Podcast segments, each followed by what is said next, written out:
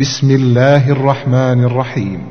والتين والزيتون وطور سينين وهذا البلد الأمين. لقد خلقنا الإنسان في أحسن تقويم. ثم رددناه أسفل سافلين إلا الذين آمنوا وعملوا الصالحات فلهم أجر غير ممنون. يكذبك بعد بالدين أليس الله بأحكم الحاكمين؟